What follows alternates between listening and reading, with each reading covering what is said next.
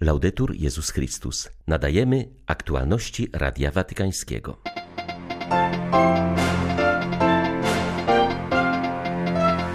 Papież Franciszek po raz pierwszy wskaże kobiety watykańskiej dykasterii, która pomaga wybrać biskupów. Do tej pory w jej składzie byli wyłącznie duchowni. Wierzymy, że odwiedzając najpierw Moskwę, a potem Kijów, papież doprowadzi do powstrzymania frontu, mówi biskup Zaporoża.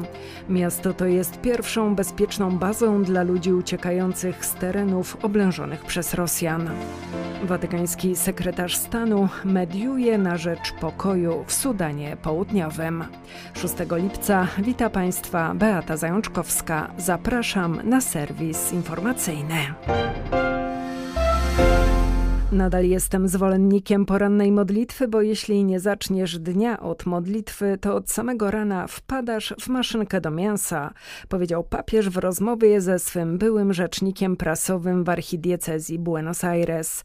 Ksiądz Guillermo Marco pytał Franciszka o jego codzienne życie. Mówiąc o swej modlitwie, papież powiedział, że modli się tak, jak ma się modlić biskup, czyli mając na względzie swoją owczarnię.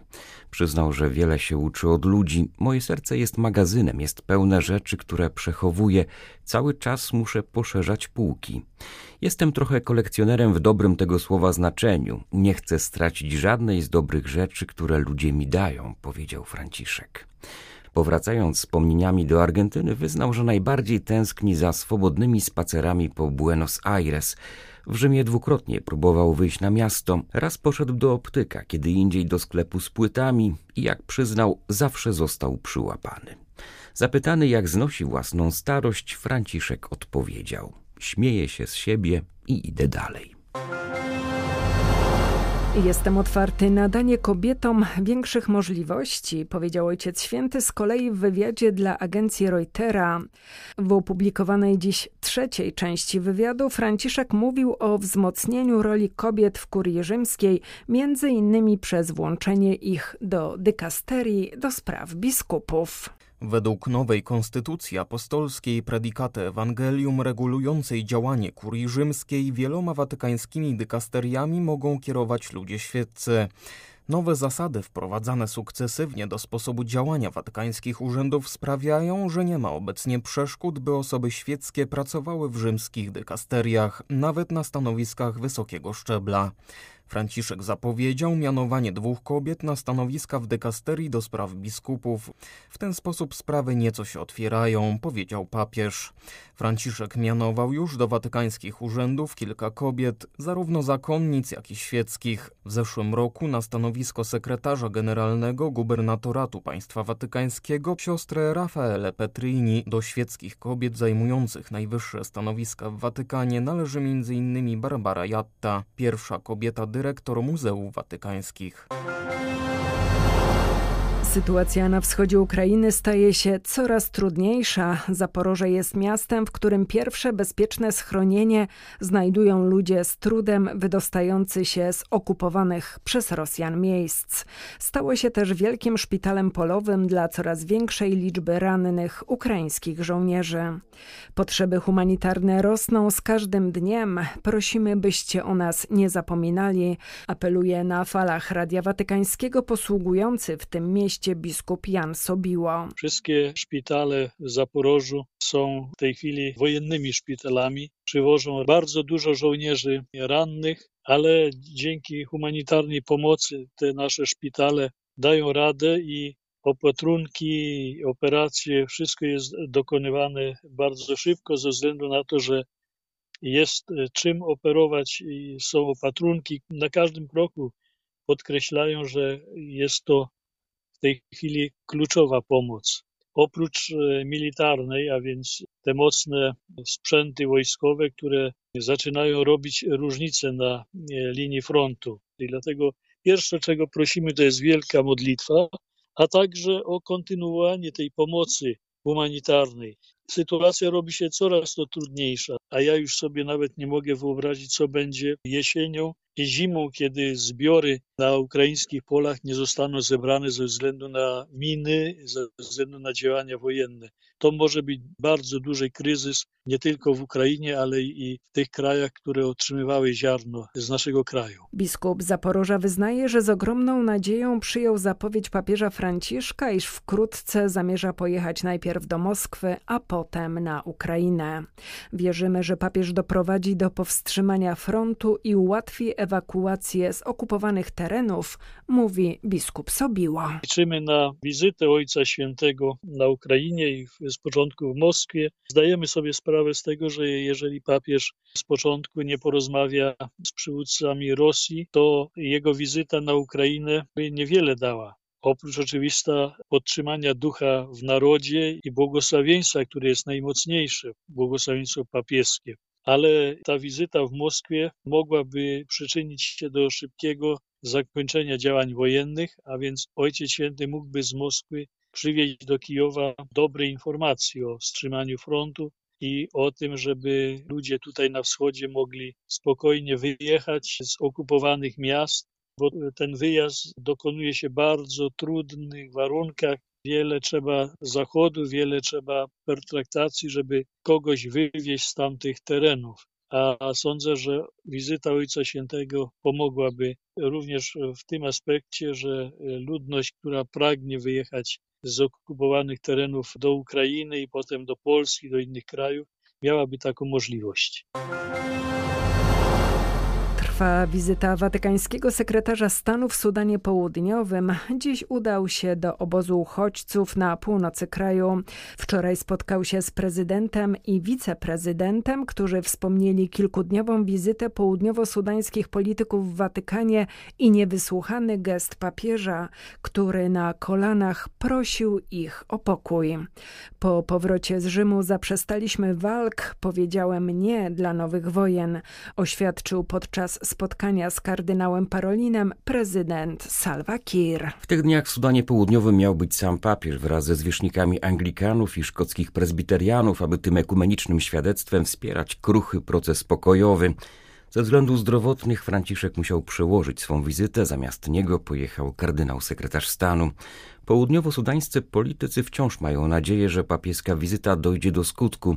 Wiceprezydent Riek Mahar powiedział kardynałowi Parolinowi, że przygotowania do papieskiej podróży stymulowały Sudańczyków do przemian. Chcieliśmy mu pokazać konkretne rezultaty, przyznał, wyrażając nadzieję, że przyjazd Franciszka mógłby stanowić pozytywny impuls dla zainicjowanych już procesów. Prezydent Kiir zapewnił kardynała Parolina, że nie pozwoli, aby doszło do wybuchu nowej wojny. Jego zdaniem ta antywojenna postawa jest owocem pamiętnej wizyty południowo-sudańskich polityków w Watykanie. Od tego czasu ludzie być może nie zobaczyli przemian, ale nie słyszeli też zgiełku broni, dodał prezydent. Gość z Watykanu zapewnił, że papież docenia poczynione już kroki. Zwrócił też jednak uwagę na to, co pozostaje do zrobienia, aby w Sudanie Południowym mógł zapanować trwały pokój i pojednanie. Perspektywa oczekiwanej wciąż podróży papieża Franciszka, a także wizyta jego wysłannika, kardynała Pietro Parolina, pobudziły Kongijczyków do budowania jedności narodowej.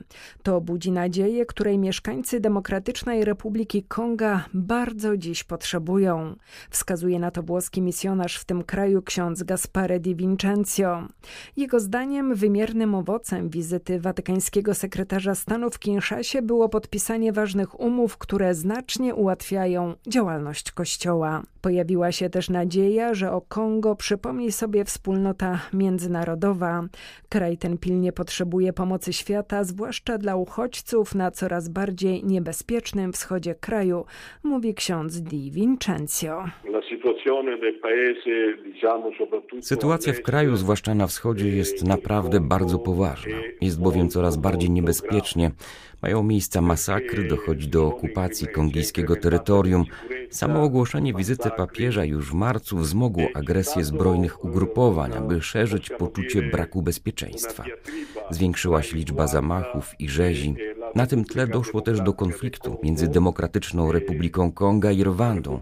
Kongijskie władze zarzucają bowiem Rwandzie popieranie tych zbrojnych ugrupowań.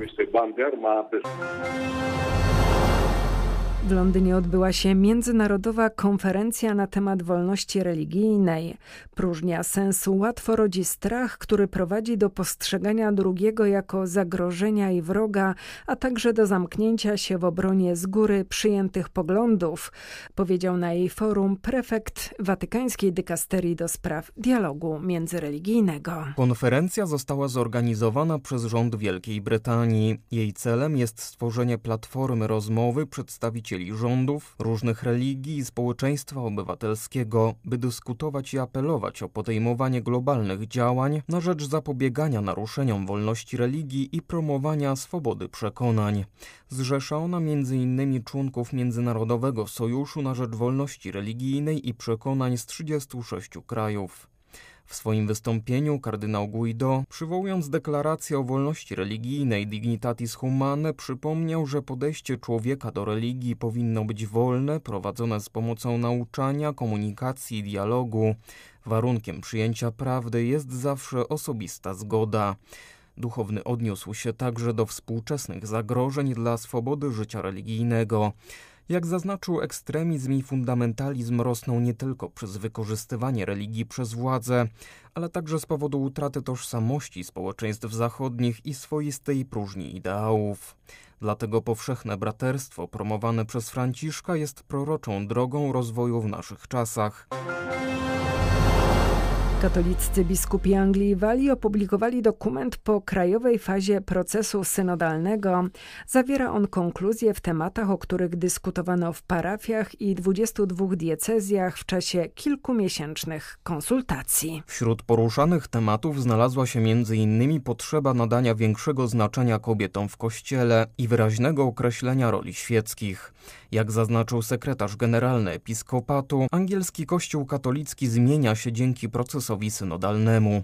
Katolicy czują się dowartościowani i mają nowe pragnienie uczestnictwa, ponieważ są pytani w sposób bezpośredni o to, jaka jest ich zdaniem misja Kościoła, a także jakie narzędzia są potrzebne, by móc głosić Ewangelię w dzisiejszym świecie. Anglicy mówili także, że chcą formacji, dzięki której sami zrozumieją, jak odważnie nieść innym radość Ewangelii. W raportach decyzjalnych stwierdzono także, że Kościół używa dziś zbyt trudnego języka. W dyskusjach poruszono też konieczność przyciągnięcia do Kościoła młodych ludzi. Pojawiły się jednak także głosy, że Kościół jest daleki od ich życia. Ojciec Święty mianował biskupem pomocniczym archidiecezji gdańskiej księdza Piotra Przyborka.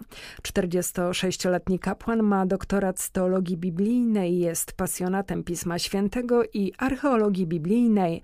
Te pasje doprowadziły go do utworzenia popularnej w archidiecezji szkoły biblijnej. Ksiądz Przyborek urodził się w Gdańsku w 1976 roku, studiował w miejscowym wyższym seminarium duchownym.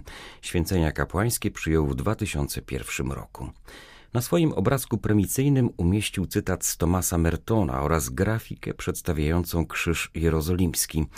Było to połączenie jego pasji, fascynacji amerykańskim trapistą oraz wspólnotami jerozolimskimi. Nie zdawał sobie jeszcze wtedy sprawy, że znak Krzyża Jerozolimskiego zaprowadzi go nie tylko do Paryża, gdzie spędził pewien czas we wspólnocie, ale i do Jerozolimy. To właśnie tam odkrył świat biblijny i archeologię a Pismo Święte stało się dla niego przedmiotem studiów. Od wielu lat prowadzi katechezy popularyzujące Pismo Święte w różnych parafiach archidiecezji. Wiele takich spotkań kończyło się pobytem w Ziemi Świętej, gdzie miał okazję opowiadać o Jezusie w miejscach, w których żył i działał. Były to aktualności Radia Watykańskiego. Laudetur Jezus Chrystus.